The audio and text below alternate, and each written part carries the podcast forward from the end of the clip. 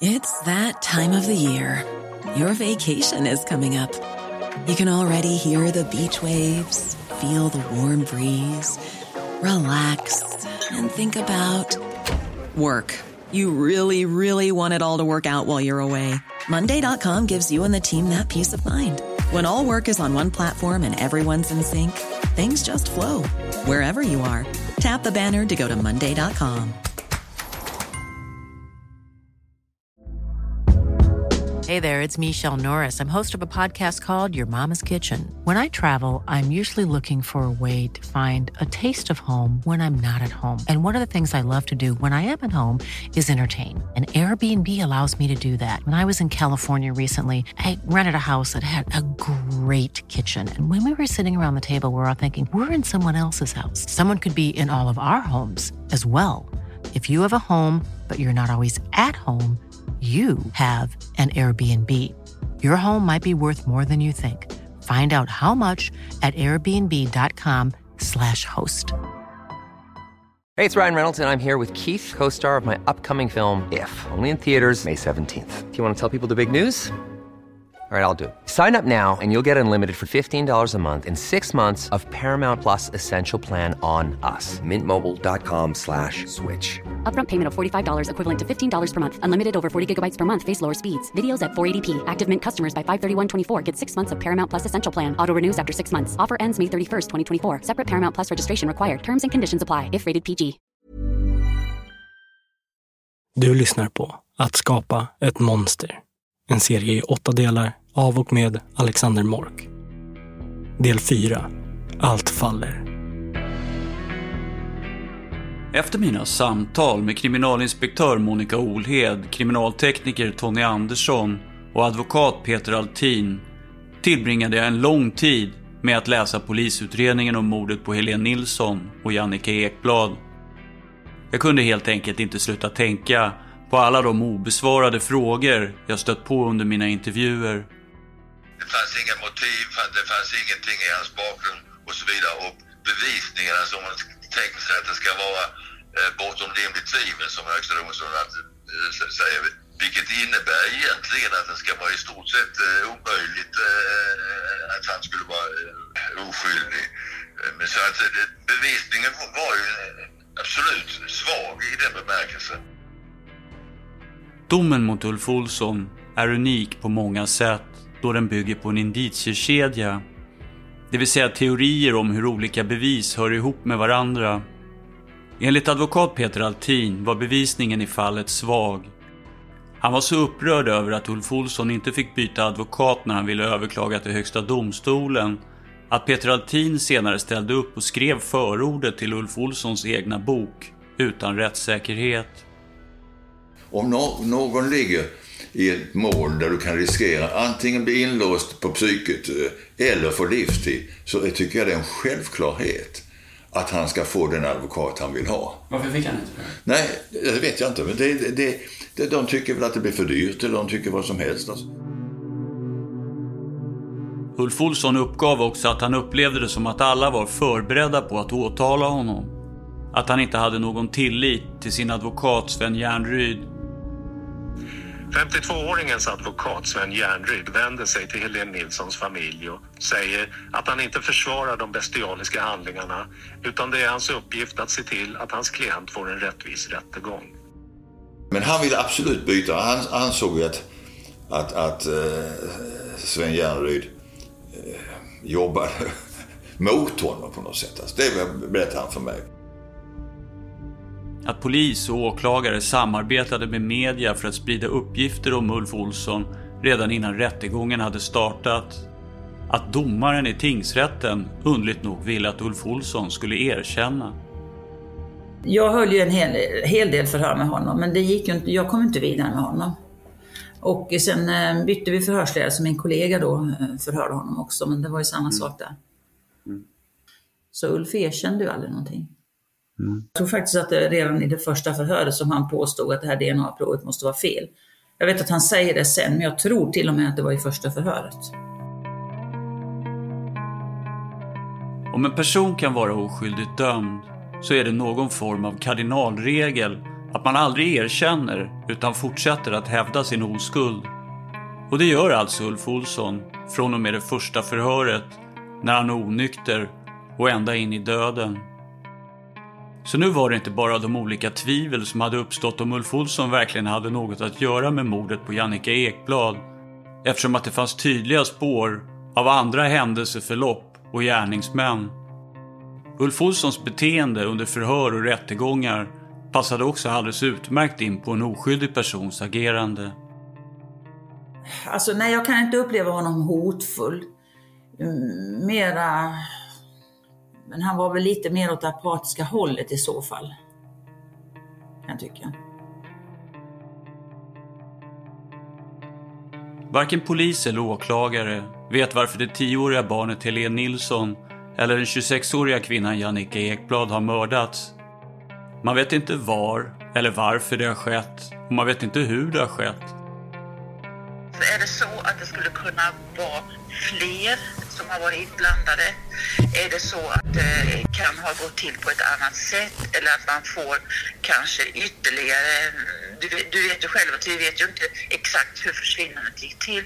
Vi vet inte exakt var hon förvar, vi vet inte var hon förvarades under den här tiden och så vidare.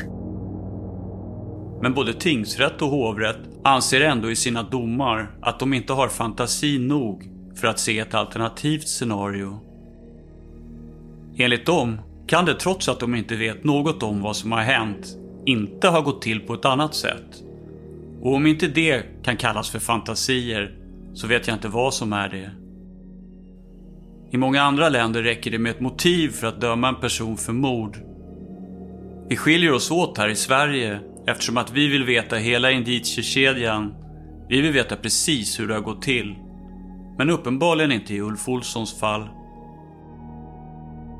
Det presenteras aldrig något motiv till brotten, men ändå så döms han för dem. Och på många sätt så skrämmer det mig. För det finns en ledtråd som jag har hittat och som jag inte har berättat för er. En ledtråd som bara jag vet om. Jag tror att jag hittade en trofé som den dömde mördaren Bengt Karlsson kan ha sparat från ett annat brott. Och det började med att jag drog mig till minnes det jag hade hört Bengt Karlsson berätta på ljudbanden från förhören. Om att andra personer åkt dit för brott som han själv hade begått. Sen hände ju ett par våldtäkter så tror jag så bara kändes det också att det var en annan som åkte iväg för Men det var alltså efter han Ja, det är långt efter. Ja, långt efter. Sen var ett par år senare. Det måste ha Jag varit... tror att det var 86 eller 87. 87, inte till det kan. Ja. Var det någon annan som åkte dit? Det var en här. Mm. Tror det var två eller tre våldtäkter han åkte iväg för. Men det var liksom ändå just att det var otäcka då.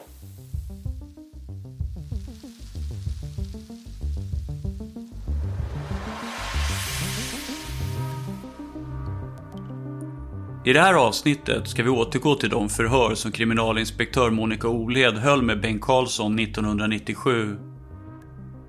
För vi har bara skrapat på ytan. Bengt Karlsson nämner under förhören med Monica att en annan person åkte dit för ett par våldtäkter som han uppger att han själv begick i Halmstad i slutet av 80-talet.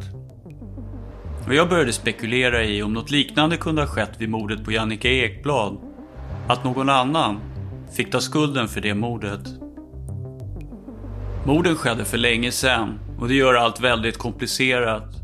Men de föremål som beslagtogs under husrannsakan i Bengt Karlssons bostad 1997 var ändå något att börja med. Något som var värt att följa upp. Bland beslagen som gjordes återfanns troféer från de två mord som Bengt Karlsson hade erkänt. En Fisherman Friends-ask och ett Wrigley's Big Red tuggummi-paket. Men det fanns också underkläder, nycklar och andra föremål som borde vara högintressanta att testa med modern DNA-teknologi idag. Har man idag kört hans DNA mot brott som man inte har hittat någon, någon skyldig till? Mm. Ja, för det första, ja det utgår ifrån att hans DNA har matchats. Ja men det görs ju och vi har ju, det finns ju analytiker hos polisen som går igenom också olika sådana som skriver olika analyser och tittar på olika saker. Det gör det såklart. Finns det, finns det idag kvar liksom någonting från det man beslagtog eh, 1997?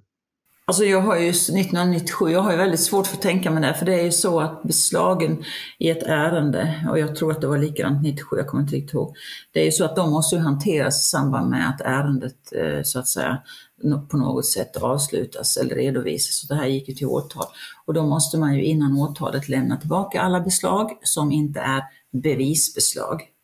Och bevisbeslagen de försörjs ju efter ett tag de andra sakerna återlämnas till den som eh, det togs ifrån eller den rättmätiga eh, beslagsinnehavaren. Och i det här fallet var det så knäppt så han fick tillbaka den här plåtasken. Den plåtask som Monica nämner var en Fisherman Friends tablettask som Bengt Carlson hade stulit ur handväskan från en ung mamma som han mördade 1995. Och efter att polisutredningen och åtal var över återlämnades plåtasken alltså absurt nog till gärningsmannen Bengt Karlsson. Jag var lite intresserad av att eh, han är ju en väldigt analog människa. Han har ingen mobil, aldrig haft någon mobiltelefon, han har ingen klocka. Eh, han har sina rutiner och det fanns massa anteckningsblock i husrannsakan som, som låg lite här och var i lägenheten det, det, kan inte finnas kvar idag så att säga. För jag är helt övertygad om att det, han har skrivit upp saker som han ska minnas i sina anteckningsböcker eftersom han har, ingen, han har inga datorer, han har inga mm. telefoner, han har inget annat sätt och han sparar på de här troféerna. Jag tror att det skulle kunna vara troligt att han har skrivit ner små, små saker i de här anteckningsböckerna för att minnas. Ja, kan de finnas kvar? Alltså det man kan göra det är, om du nu har beslagsnumret. Jag tror ju att de är förstörda.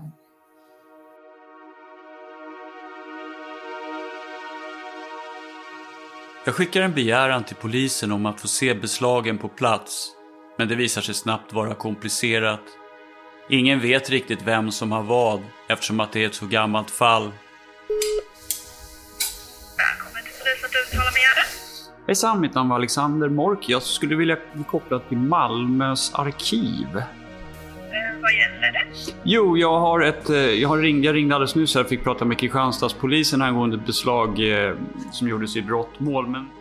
Skriver du utförligt eh, vad det är du behöver få ut? Och så kommer de här registraturerna att titta på det då. Och sen så kommer det göras en sekretessprövning. Jag är snart i kontakt med Martin Alm som är arkivarie hos polisen i Malmö Martin berättar att alla beslag i ärendet har lämnats tillbaks till legitima ägare eller destruerats. Ingenting finns kvar. Bara dokument. Men även en del dokument saknas och en våg av oro sveper över mig. Finns ingenting kvar. Enligt Martin är förklaringen med största sannolikhet en arkivföreskrift som var i kraft till och med år 1998 då fick handlingar till ärenden som slutredovisats för åklagare lov att gallras bort hos polisen efter tio år. Man kunde besluta att särskilt undanta ett ärende från gallring, men det gjordes sällan. En konsekvens av det är att det inte är första gången som Martin och hans kollegor på arkivet upptäcker att handlingar till stora mordärenden från tiden före 1999 saknas. Då ser du Bengt här att redan 77 när du var så ung så har du gått ut på det här sättet. Och det här slutar med ett antal människor beröras livet. Och detta tror jag är viktigt. Det är ja, jättebra när du håller på med nu att jobba fram de här sakerna och få fram det som har hänt dig. Det är för dig själv det är bra. Givetvis för de som är ja, det är jag menar. själv är det väldigt bra att du får fram de här sakerna. Ja, men det jag liksom, har också sagt. Man liksom börjar bli nästan rädd för sig själv ibland. Bara. Man undrar varför liksom, går det sådär liksom, att jag gör sig och så. Det är precis som att det sitter något i bakhuvudet. Mm. Men som jag kan minnas just nu idag. Va? Som jag försöker minnas. Jag har aldrig dödat, mördat liksom någon person innan. Hur kan du utesluta Nej, men som jag säger nu, va, som tankar finns nu, kan jag inte liksom minnas det. Jag har försökt minnas. Ditt minne kanske var Ja, ja, men jag säger bara liksom, jag har inte sagt jag gick ju runt, va, men jag säger, Nej. så det känns nu i huvudet minnas. Alltså,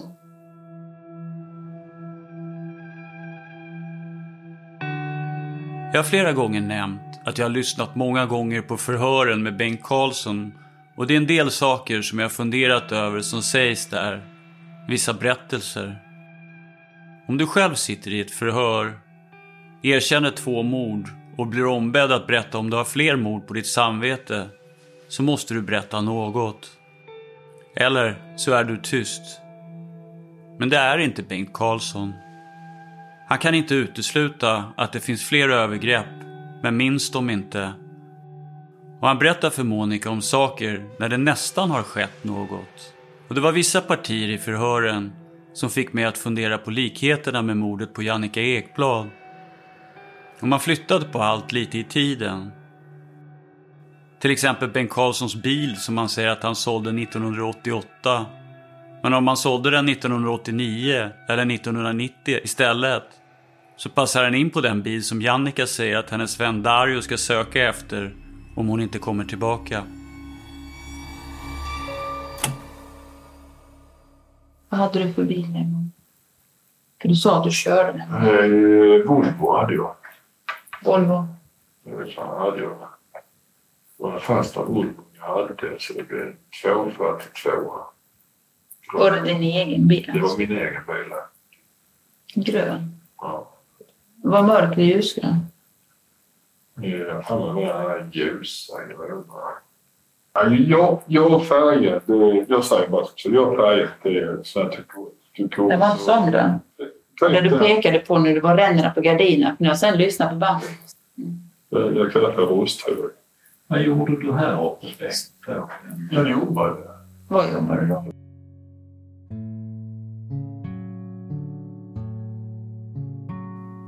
Det kanske kan låta som ingenting och kanske är det det också. Men djävulen sitter som sagt i detaljerna. Och i den här historien, mer än vanligt. Kanske berättar Bengt Karlsson istället om händelser i en annan tid för att de inte ska kunna kopplas till de riktiga brotten. För att testa gränserna. Hur mycket vet Monica egentligen? Vad kan jag berätta? Var kan jag vara? Och när kan jag vara där utan att det blir misstänkt? Eh, du vet ju själv att han berättade ju i förhöret hur han hade plockat upp en prostituerad i Malmö, kört ut till ett område som heter Häckeberga utanför Malmö. Kört ut dit med henne för sen var han inte nöjd med vad hon hade gjort. Hon hade, eh, hon hade onanerat till honom. Och så skulle han, eller hade han betalt och det var han inte nöjd med. Så åkte han dit ut med henne, tog ut henne ur bilen och eh, liksom slår omkull henne på marken. Och så berättar han i förhöret då hur han besinningslöst går runt och sparkar på henne över hela kroppen. Och sen ligger hon där när han kör därifrån. När vi flyttade ner hit, det var sommaren 90. Jag besökte Malmö. Då jag var sex. Ritade jag den här kända gåtan och någon jobbade efter det intill ju. Vad heter de någon gång? Ja, man är det. Sankt Knuts. Ja, något med Knutsväg. Jag har för mig det. Där tog jag upp en uh, tjej. Ungefär min egen ålder tror jag det var. Tog upp? För, förlåt att jag avbryter dig Bengt. Jag Vad körde du med då? Eh, Vad fan jag för bil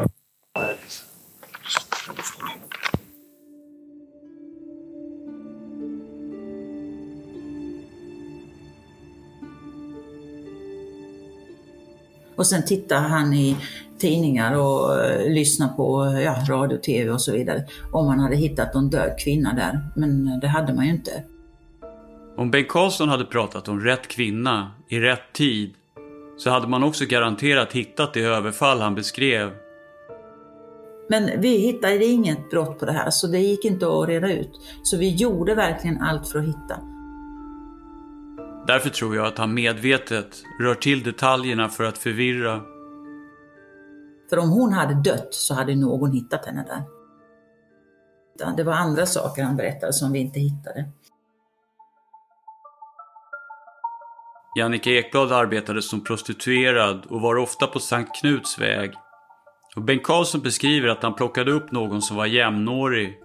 Han var 28 och Jannica var 26 1989. Den kvinna han talade om misshandlades grovt och återfanns aldrig. Kunde det istället vara mordet på Jannica Ekblad som Bengt Karlsson beskrev, fast i en annan tid? Och Jannicas väninna Angelin beskriver också en man som hon kallar för Bengt, som alltid betalar kontant. Angelin har tillsammans med Jannica mött denne Bengt i en grön Volvo kombi tillsammans med en annan man med halva bruna tänder och överkammad flint som hon kallar för Grisen. Hon mötte dem tillsammans med Jannica bara några veckor innan Jannica mördades. Men du, jag gör så här. Jag Mm. ringer Tony och pratar med Ja. honom. Söderslang är det faktiskt från. Jag har bott på Södermalm hela mitt liv i Stockholm här. Så, ja. Bor du nu med då? ja, absolut. Ja. Jag har bott två år på Söder jag med. Jaha, okej, okej. Trevligt. Folkungegatan 71.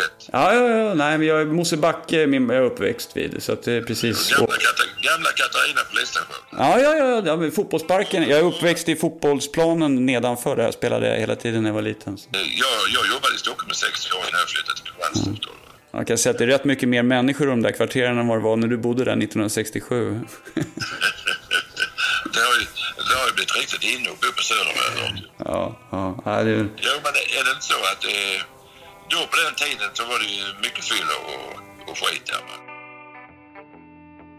Det är en sommarkväll i juni när jag får tag i kriminaltekniker Tony Andersson igen i telefon och hans trädgård låter nästan som ett naturreservat.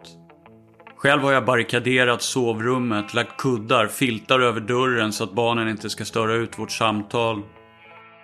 Jag var inte den som skrev protokollet då i, i samband med när vi eh, gick igenom den här stugan nere i Bokeslund där va. Där, eh, där han bodde, Ulf Olsson va. För det, det var väl material därifrån som du var lite intresserad av förstår jag va. Ja, dels det, men, men jag skulle gärna vilja börja i en annan ände om du har tid och möjlighet. Och, och det var att jag började liksom den här resan med Bengt Karlssons brott 1995 och 1997. Och då var ju du också på platsen. Och, och, Det har jag jobbat mycket med. Alltså det, det kan jag väl. Jag, jag kan väl en del om Helene också men Bengt Karlssons båda mord va. Ganska god kunskap om va. För han sa ju vid senare tillfälle då att han, han hade svårt för att sova. Därför så var han orolig. Var han uppe och cyklade på natten va. Och då cyklade han in mot centrala Kristianstad. Och då mötte han Marie där va. Och då vände han, cyklade förbi henne, ställde cykeln och stod och väntade där vid något buskage. Sen, sen hoppade han ut där och överföll henne va. 1995 mördades en ung mamma på vägen hem från ett restaurangbesök. Polisen fann då inte gärningsmannen, men knappt ett och ett halvt år senare, under förhören med Monica, erkände Bengt Karlsson det mordet. Och de hade då hundträning i Kristianstad. Och då så gick de ju eh, den här vägen som hon skulle ha gått hem. Och där, där hittade man henne då va. Och då var det jag och en annan kollega som var där ute på brottsplatsen då va. Vi hade ju ingen vetskap alls om vem som var gärningsmannen vid det tillfället va. Man säkrade ju, vi säkrade ju sperma då på henne kommer jag ihåg va. Som hon hade på något klädesplagg där. Med hjälp av DNA i form av spermier som kriminaltekniker Tony Andersson fann vid brottsplatsen kunde man verifiera Bengt Karlssons erkännande. Men upplevde du att det var någonting som var liksom städat eller fixat med offren? Ja, alltså när det gällde Marie så var hon ju flyttad va. Han eh, uppgav ju då att han höll henne där. Eh, han, han satt ju över henne en ga- ganska, st- g- ganska lång tid, jag vet inte exakt, men kanske uppåt en timme eller sånt där va. Sen skar han ju av bältet där va och sen ströp han ju henne med det va. Var hon livlös då när du tog skärpet och satte om halsen på henne? Jag tror det. För, för, för mig jag satte ett knä i halsen. I halsen? Var ungefär tror du att ditt knä träffade henne? Jag har för mig jag slog till med knä. Rörde hon sig då när du knäade henne? Ja, hon hoppade till. Så jag kommer ihåg det. Hoppa till? Jag liksom ryckte till kroppen. va.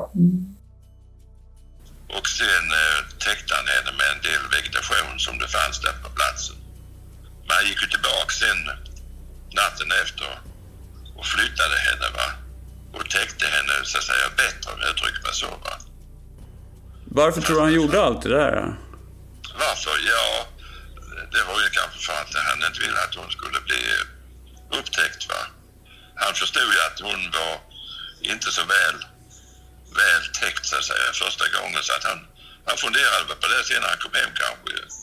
Att det där var inte riktigt bra därför gick han tillbaks nästa natt va. Och där, där var, hade han ju arbetat mer så att säga eh, lugnt och sansat va.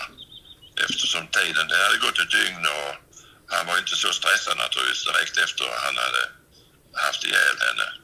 Så att det han hade täckt henne med eh, stråna där va, som var ganska långa de flesta, där vegetationen han hade, han hade skurit av. De låg ju väldigt eh, så att säga parallellt va. Det var liksom inte gjort i en hast utan det hade han gjort omsorgsfullt om jag uttrycker mig så va. Han- Men han hade gjort sig besväret att, att gömma kroppen och allt sådär. Men han hade lämnat sperma på, på henne. Och det tror jag var ett misstag att... Ja, det, det, det är svårt att säga sådär, du vet va. Om jag inte missminner mig så hade han inte, eh, nog inte haft något samlag med henne va. Utan eh, han hade suttit på henne och eh, onanerat alltså för ett utlösning där kanske. Va?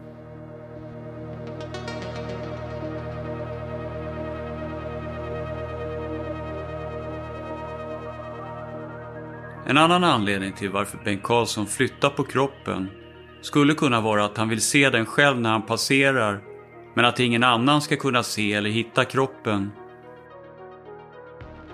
Och så ångrar han sig och flyttar kroppen flera gånger tills han blir nöjd. Men det verkar inte riktigt som att polisen vill se den här planerande sidan hos Bengt Karlsson. Om jag förstod det hela rätt, som Monica berättade då, alltså när vi höll på med detta, att han sa ju sådär, alltså det, det klickade till i hans huvud så kunde han inte kontrollera sig själv va. Utan då var det liksom att den här kvinnan ska jag ha va.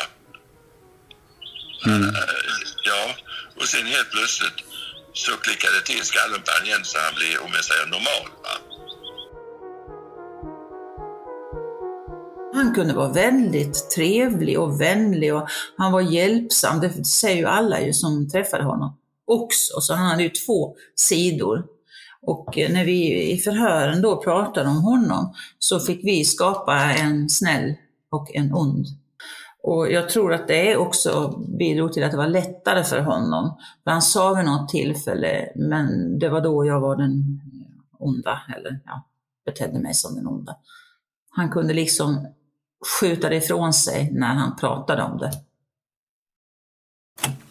Det vi har pratat om och kommit fram till. Så har du tankar och känslor inom dig där du inte fungerar som den här, ja vad ska vi kalla den vanliga snälla Ja. Bengt om du vill det. Nej, men Det är inte fungerar. Ja. säkert vad jag har sagt inför Ja. Och, Nej, men alltså, förstår du vad jag menar? Du umgås med folk, Mm. du eh, lever ett liv där du ger sken av att vara en viss typ av person. Ja, men sen inom dig så finns en massa tankar och känslor och de här de får du utlopp för ibland och, och på olika sätt. Hur har du klarat av att hantera det här? Antingen är jag som att jag håller käften länge så reagerar jag direkt. va. Men om du håller det inne liksom? Och Då blev det att ilskan kroken inom mig. Va? Att jag blir argare och argare. Va? Så verkar det sätta om tusen för vi skulle känt varandra och du kommer säga någonting. Du säger bara att på vad vet man och då kommer allting ut. Va?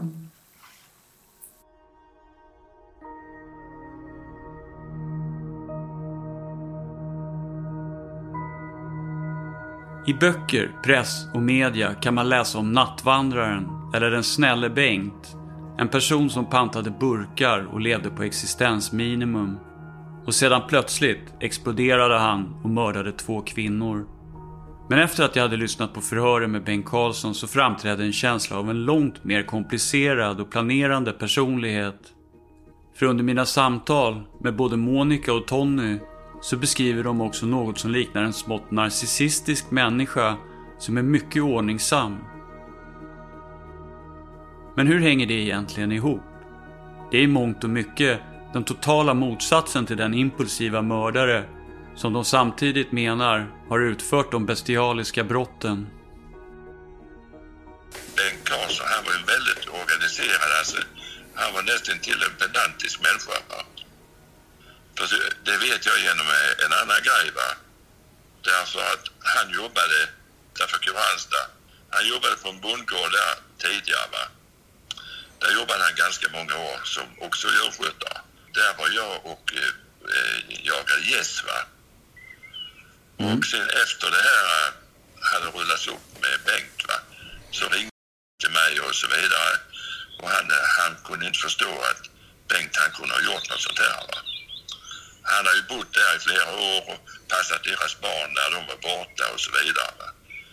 Och han berättade då hur, hur nogsam Bengt han var med allting. Va. Var det så att han skulle börja med djuren och mjölka klockan fyra så var det fyra, alltså 16 på eftermiddagen och inte fem i eller fem över. Va? Han, var, han var väldigt uh, duktig djurskötare och pedantisk som jag sa. Va? Mm. Mm. Så, så det för många människor så var det här, var det här något som var helt oförklarligt. Så han kunde ha utfört detta. Va?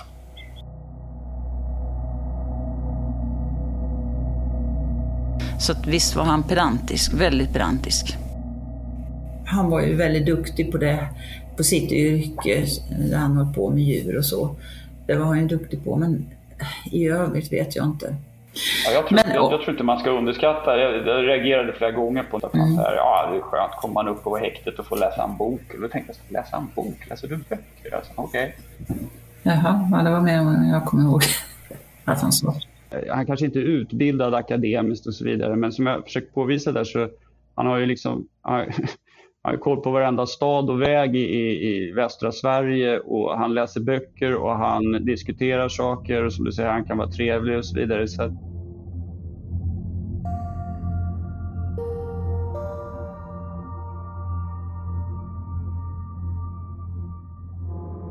Den 18 december 1996 mördades en 35-årig kvinna i sitt hem det kryllade av tekniska bevis hemma hos Bengt Karlsson som knöt honom till mordet. Han hade haft 12 dagar på sig att göra sig av med alla bevis. Men många av bevisen fanns kvar hemma hos honom. De flesta bevisen i form av underkläder, tuggummin och sänglakan låg kvar i en soptunna i köket. En artikel med den döda kvinnans försvinnande låg framme på köksbordet. Nästan som ett meddelande till polisen. Lite som “Kom och ta mig om ni kan”.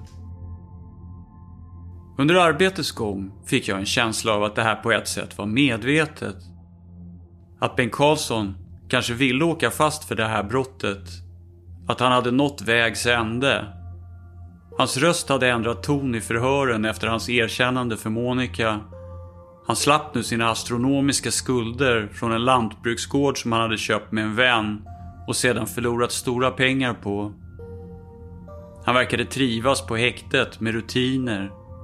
Att hans maror till viss del hade försvunnit.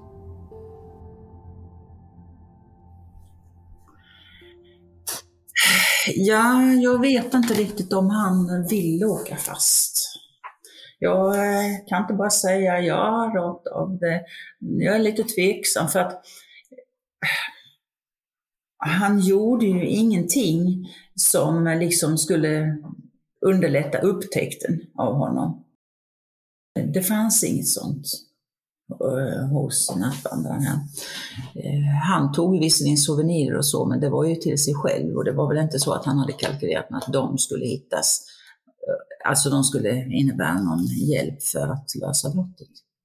Sen var de ju inte så välgömda, hans offer om man säger så.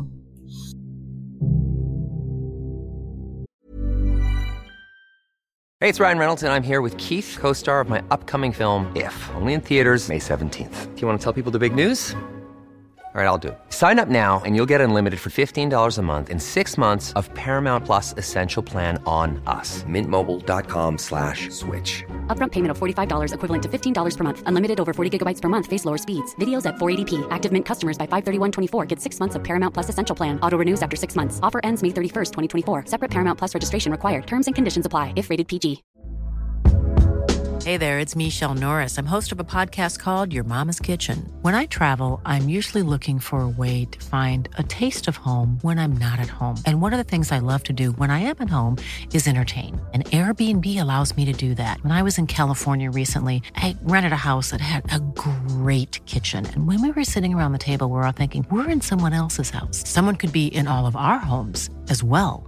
If you have a home, but you're not always at home, you have an Airbnb. Your home might be worth more than you think. Find out how much at airbnb.com/slash host. Hiring for your small business? If you're not looking for professionals on LinkedIn, you're looking in the wrong place. That's like looking for your car keys in a fish tank.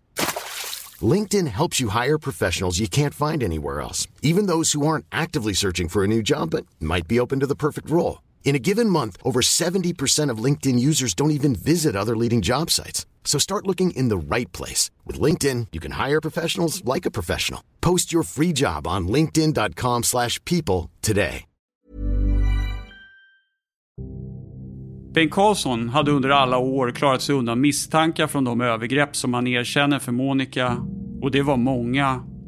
Jag tror inte att det bara beror på tur, utan på att han har varit skicklig. Att han har dolt sina spår. Och ibland låtit någon annan få ta skulden.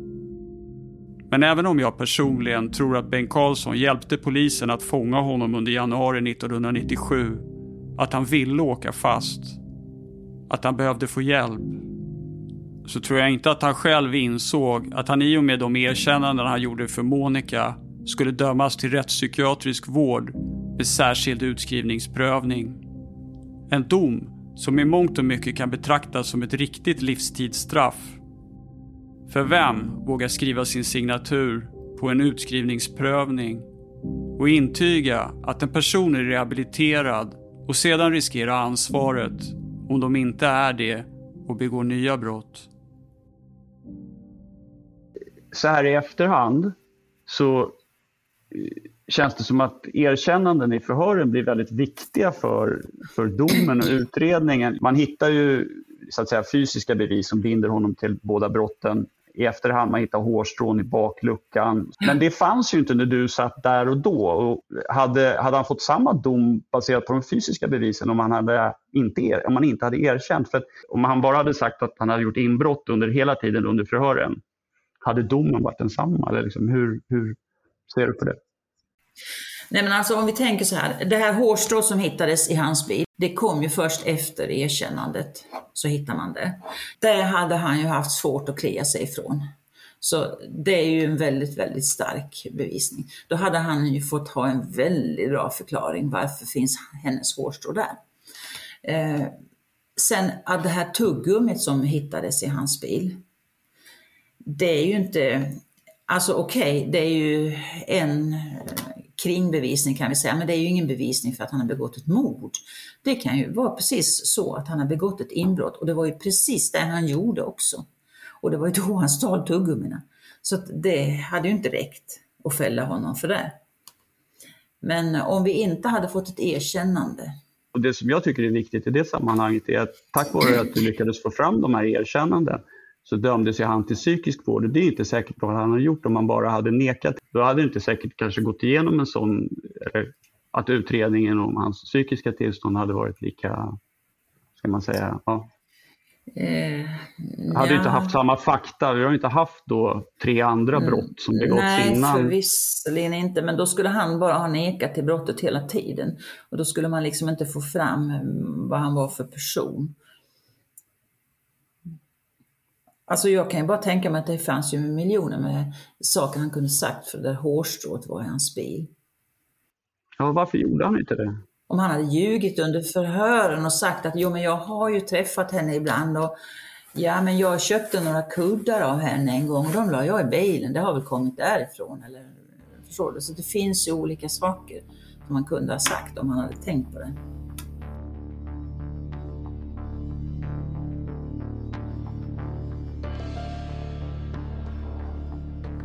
Man kanske kan ställa sig frågan om en seriemördare håller räkningen på något sätt.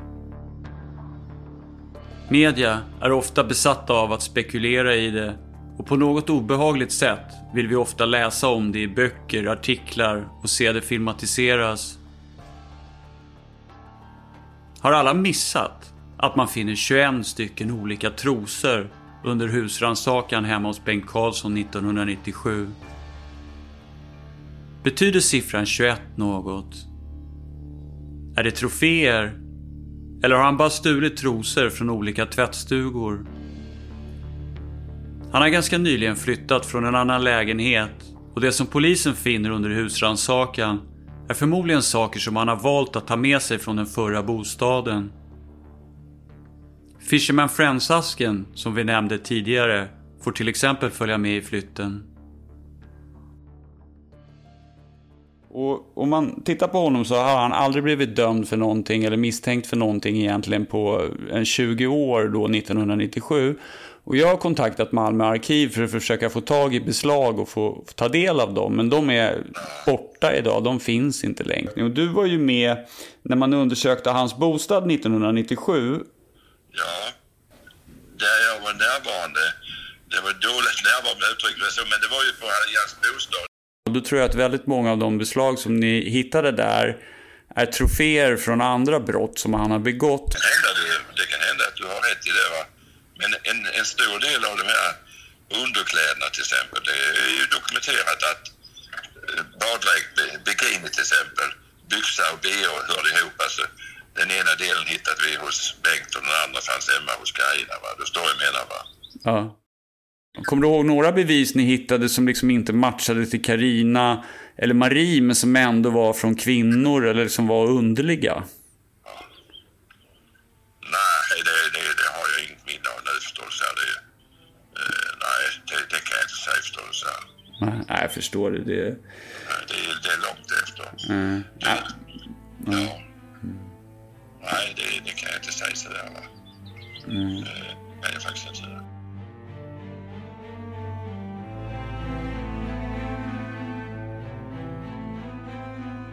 Att försöka lösa gamla brott är ganska hopplöst.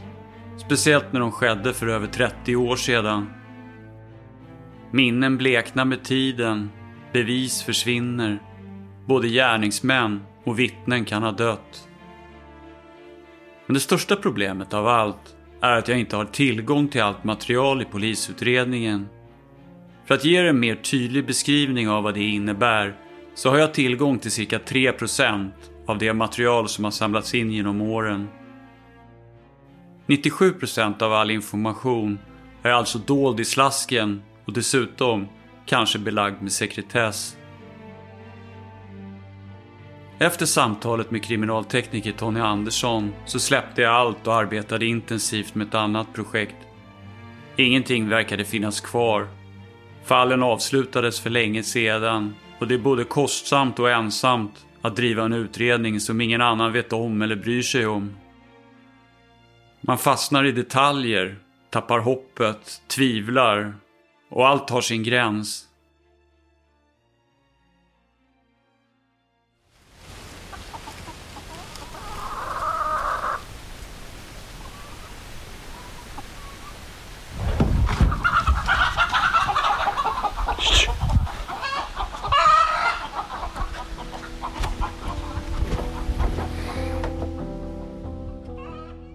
Men så tidigt på semestern så inleds en morgontradition som förändrar allt. En duell med Puffer och kompani. Puffer är en av våra hönor. Men hen håller på att förvandlas till en tupp och har blivit hyfsat aggressiv på sistone. Varje morgon, strax innan klockan sex, vaknar jag av att Puffer och hens syrror tjafsar om hur de ska kunna råna vår kompost utanför sommarstugan.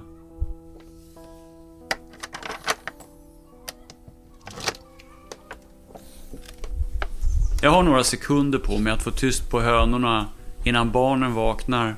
Och framförallt min treåriga dotter som i så fall kommer vilja leka att hon är mamman och jag är hennes katt eller bebis. Som varken kan prata eller gå. Så tiden går oerhört långsamt.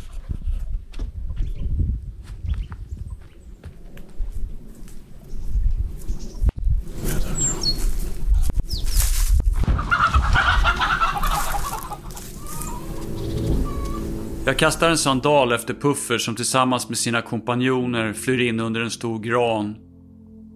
Så här en tid efteråt får jag lite dåligt samvete för bara någon månad senare försvinner Puffer för alltid efter en flygtur med en havsörn. Morgondimman ringlar fram över den spegelblanka sjön som ett ljudlöst väsen. Jag får sällskap av pudeln Tristan, precis som alltid efter en tidig fight med Puffer. Och när jag sitter där och klappar Tristan så får jag en sån där känsla av att jag måste kolla upp en sak. Något som jag har läst någonstans. Jag öppnar min laptop och synar beslagen som gjordes i Bengt Carlssons bostad 1997 en gång till. Flera andra objekt som återfanns under husrannsakan har kunnat verifieras som troféer som Bengt Carlsson har stulit från de som han har mördat. Så om det fanns fler brott så borde det också finnas fler troféer. Listan med objekten var det enda som fanns kvar. Allt annat var förlorat i tidens gång. Sen känner jag hur mitt hjärta börjar slå okontrollerat. Jag blir andfådd, adrenalinet pumpar.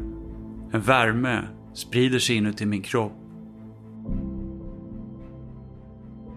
Bland de beslag man fann 1997 hemma hos Bengt Karlsson fanns det i ett skåp i köket pellets djurfoder.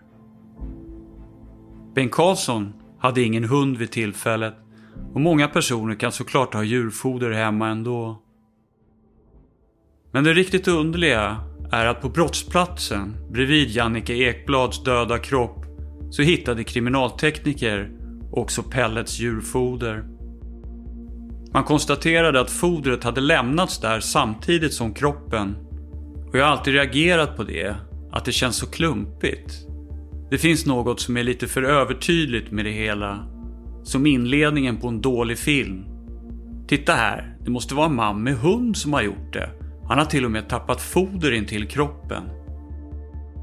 Kunde något så banalt som Pellets djurfoder vara en trofé från mordet på Jannike Ekblad som Bengt Karlsson sparat i alla år. En dold trofé.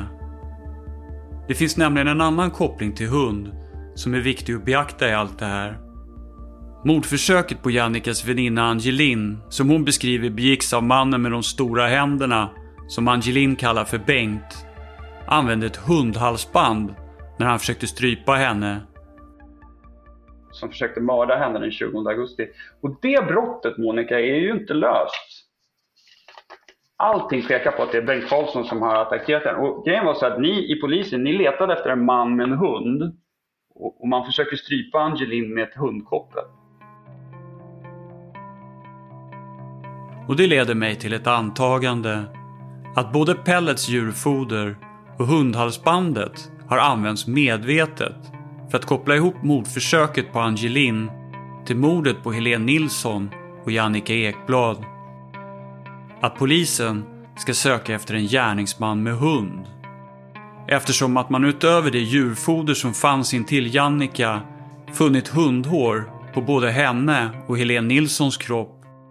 Och en man med hund hade synts i närheten i samband med Helens försvinnande. Detaljer som figurerat överallt i media. Det är så jävla sjukt allt det här så det, det ja, alltså det finns säkert saker man kan kunna gått vidare på, men jag, alltså jag, jag kan inte hålla med om att Ulf skulle vara oskyldig. Jag kan inte det. För jag tror inte han är det. Nu krossar jag dina tankar. Mm. Ja, jag, är helt övert jag är helt övertygad, men jag är ju bara liksom nobody på det sättet. Men... Du menar att du är du övertygad om att han är oskyldig? Ja, helt oskyldig.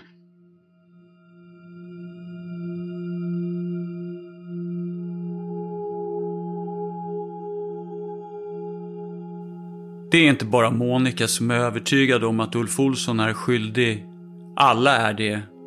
Fallet är löst. Det har varit förutsättningen sedan första sekund och det har varit brännhett att ens röra fallet.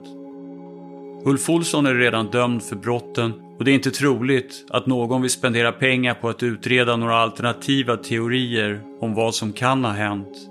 Fallet är tabu. Det provocerar att ens ifrågasätta att något kan vara fel. Inte ens Ulf Olssons familj vill att någon rör fallet. Det är därför svårt att komma vidare. Allt är på sätt och vis dolt i historien. kommer att bli svårt tror jag att öppna upp den därför att det kommer inte att generera något mer straff för gärningsmannen eftersom vi tror att gärningsmannen är Bengt Karlsson. Om det är så man tror, eller så du tror. Och vilket, jag säger inte att det inte är. Nej, jag tänker att det ska leda till Helens mördare så att säga. Ja, men Helens mördare är dömd. Det finns ingenting där. Det finns ingenting som har framkommit ännu som ger vid handen att Ulf Olsson skulle vara oskyldig. Det du har berättat för mig, ja, det finns frågetecken, det håller jag fullständigt med dig. Men jag tror absolut inte att Ulf är oskyldig. För då måste du plocka bort all den här bevisningen först, eller åtminstone en del av den, så att det inte håller i tingsrätt eller i rätten. Och sen tänker jag att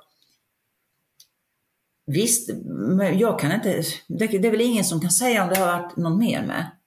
Men det, hur ska vi få fram den bevisningen? Det finns ingenting att gå på idag för att kunna få fram ytterligare detaljer. Men med tanke på mina misstankar om alternativa händelseförlopp och andra gärningsmän än Ulf Olsson anser jag det vara av oerhörd vikt att säkerställa att det inte har begåtts ett misstag där en människa dömts oskyldig av vårt rättssystem. Min enda chans att komma vidare är att dekonstruera all teknisk bevisning som presenterats mot Ulf Olsson. Att gå igenom simkortet, DNA-beviset och blodspåren, steg för steg. För om det skulle visa sig att Ulf Olsson är oskyldigt dömd för mordet på Jannike Ekblad så dyker en intressant fråga upp. Vem, eller vilka, är det då som under 15 års tid har ringt och skrivit brev till polisen för att koppla ihop morden på Helene Nilsson och Jannike Ekblad till en ensam gärningsman med fraser som Helen och Jannika, jag tog dem båda.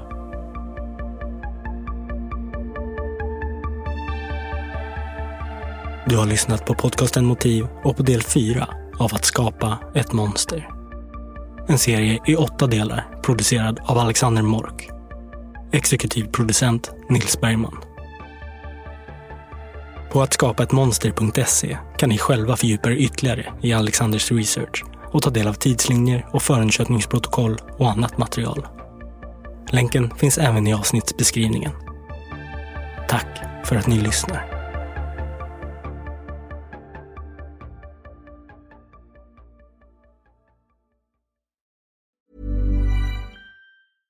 Even when we're on a budget, we still deserve nice things.